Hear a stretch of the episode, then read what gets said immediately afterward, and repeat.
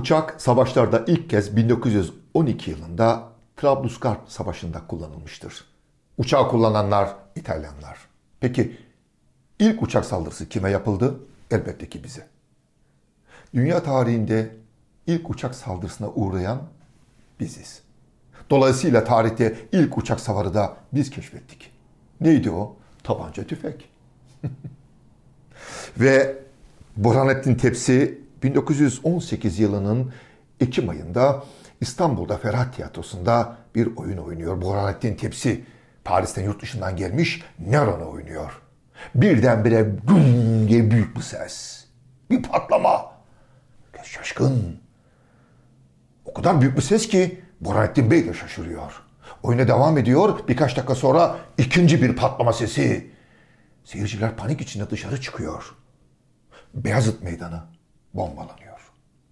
İngiliz savaş uçakları Beyazıt Meydanı'nı bombalıyorlar. Çanakkale'yi geçip İstanbul'a gelemediler ama sonradan İstanbul'u işgal etmeden önce İngiliz uçakları İstanbul'u bombalamıştır. Gerçi 1915 Çanakkale Savaşı sırasında Çanakkale'yi dipten geçen İngiliz denizaltılarından biri savaş yıllarında Çanakkale Savaşı günlerinde Kız Kulesi'nin açığına demirliyor.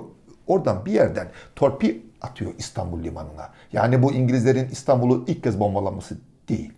Çanakkale Savaşı'nda da bir denizaltı bombalamıştır. Ve Beyazıt Meydanı'na 3 tane bomba atıyor İngiliz savaş uçakları. Neden Beyazıt Meydanı? Çünkü o yıllarda Beyazıt Meydanı ki adı Hürriyet Meydanı'ydı. İstanbul'un merkeziydi. Yani İstanbul'un kalbi gibiydi. Toplanma yeri gibiydi. Özellikle oraya 3 bomba atıyorlar. Ve 3 gün sonra tarih 25 Ekim 1918 Çanakkale tarafından 5 İngiliz savaş uçağı İstanbul'a doğru saldırıyor. Tekrar bombalayacaklar. Fakat Yeşilköy'den bunu haber alan bizim uçaklarımız da haberleniyor, havalanıyor. 5 İngiliz uçağı, 5 Türk uçağı. Bizim e, uçaklarımızdan ikisinin pilotu Alman, biri Avusturyalı, ikisi Türk. İki Alman pilot İstanbul'u geçiyor, Karadeniz'e doğru gidiyor, kayboluyor. Kaçıyorlar galiba. Avusturyalı pilot motorum bozuldu diyor geri dönüyor. İki Türk pilot beş İngiliz savaş uçağıyla karşı karşıya. Fazlı Bey ve Vecihi Bey. Vecihi Hürkuş. Fakat Vecihi Hürkuş'un yakıtı bitiyor. O da mecburen geri dönüyor. Fazlı Bey tek başına Kız Kulesi üstünden saldırarak o beş savaş uçağının arasına dalıyor. Ve onları kovalıyor. Ağır yaralanıyor Fazlı Bey. Yeşilköy'e döndüğünde ağır yaralı. Gülhane'de hastaneye kaldırılıyor. Bu saldırıdan birkaç gün sonra işgal güçleri İstanbul'u ele geçiriyor. İstanbul düşüyor ne yazık ki.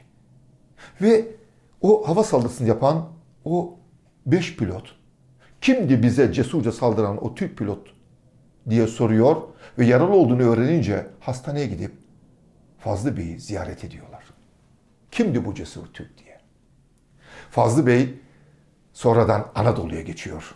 Mustafa Kemal Atatürk'e katılıyor, direnişe katılıyor. 10 düşman uçağı düşürüyor Kurtuluş Savaşı'nda. Ne yazık ki Fazlı Bey o güzel insan 1923 yılında artık özgürlük gelmişken İzmir'de bir pilotu eğitirken uçağının motoru arızalanıyor ve düşüp şehit oluyor. Kaybettiğimiz havacılardan biri de Selahattin Alan'dır. Selahattin Alan, Türkiye Cumhuriyeti'nin ilk uçak mühendislerinden biridir. Ve Eskişehir Cep Atölyesi'nde 1932 yılında yaptığı Türk malı uçağa Kaan'ı resmini çizmiştir. Kaan'ı resmi yapıştırmıştır oraya. Neden? Çünkü biz Kurtuluş Savaşı'nı Kanlılarla kazandık. Danimarkalılar bir uçağı çok severler. Bu uçak 1950 ve 1960 yıllar arasında 10 yıl boyunca Danimarka'nın kuzeyinde hayat kurtarmıştır. Ambulans uçağı. Binlerce hayat kurtarmıştır. Sonra Danimarkalılar sefer dışı kalınca o uçağı müzeye koyarlar ve uçağa Türkler adını verirler. Evet 10 yıl boyunca dünyanın en zor hava koşullarında Danimarka'da hayat kurtaran o uçağa Türkler diyor Danimarkalılar. Neden?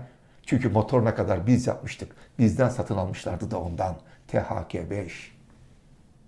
1930'lu yıllarda kendi uçağını yapabilen bir elin sayısı kadar ülke vardı. Ve o ülkelerden biri Türkiye Cumhuriyeti'ydi. Kendi uçağımızı yapabiliyorduk.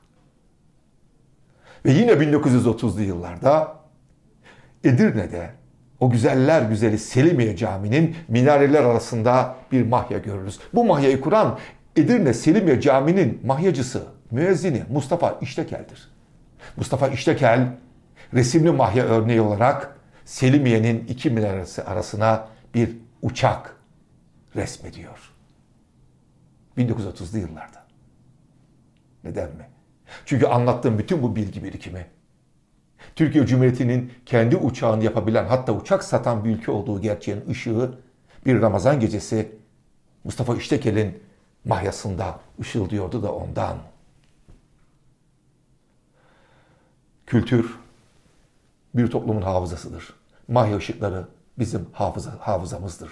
Mahya ışıklarında havacılık tarihimiz bile vardır. Mahya ışıklarından bu akşamlıkta bu kadar. Yarın yeniden birlikte olalım. Sürçülisan ettiysek affola.